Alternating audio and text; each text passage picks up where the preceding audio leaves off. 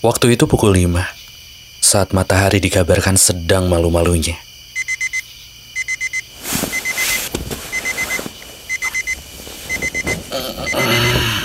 Alarm dari telepon genggamku berteriak. Terus terang, sengaja aku buat seperti itu agar aku jengkel. Aku menggeliat dari balik tenda, hingga kelopak mataku terbuka penuh dan tersadar bahwa aku bangun sendirian. Di mana dia? Kuturunkan sleting kemah dan... Oh, itu dia. Rupanya dia bangun lebih dulu. Perempuan yang duduk meringkuk dingin di ujung tanah landai tersebut adalah kekasihku. Kubiarkan api unggun sisa semalam menyala karena pagi ini masih begitu buta.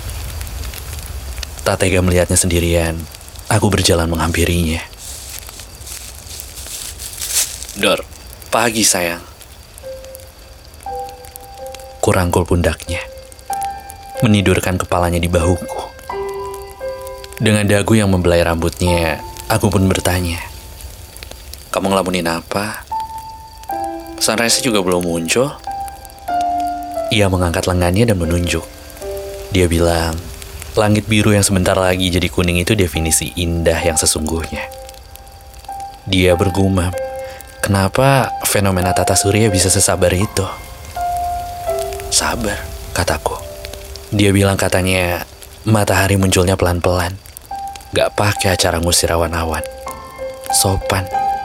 Terangnya pakai proses Gak tiba-tiba. Kita bisa gak sih kayak mereka?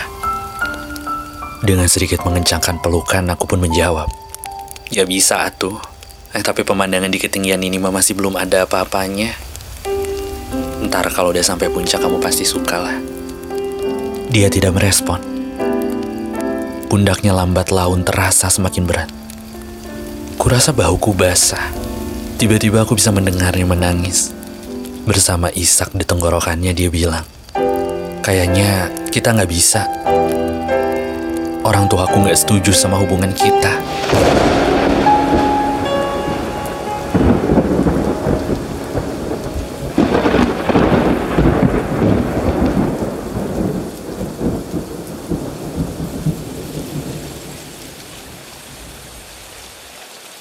Dengan relung yang masih tercabik-cabik, Aku tak berhasil mengeluarkan sepatah kata pun.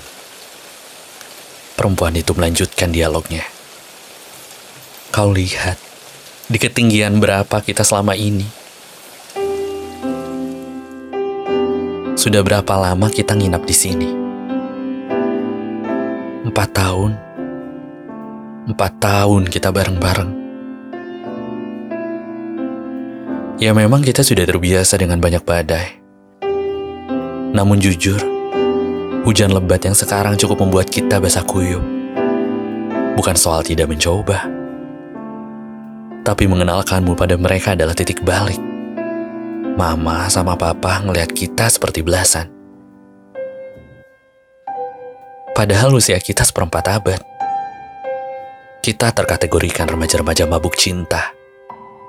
Padahal kita berdua paham betul betapa kudusnya sebuah pelaminan.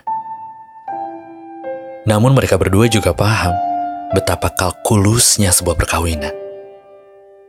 Mereka bilang rumah tangga adalah matematika. Harapannya mereka taruh, bukan bertaruh. Mereka penuh perhitungan, juga rumus saat tahu putrinya akan diculik sehidup semati. Dan mereka tidak melihat itu tampil darimu. Dan mereka tidak melihatmu begitu cukup. Bukannya tidak mau mempertimbangkan, namun bermimpi untuk menyandang nama belakangmu saja nyatanya tidaklah cukup. Dengar, aku menyayangimu. Itulah mengapa aku masih menemanimu di sini. Tapi rasa-rasanya aku harus pulang. Aku akan turun ke bawah.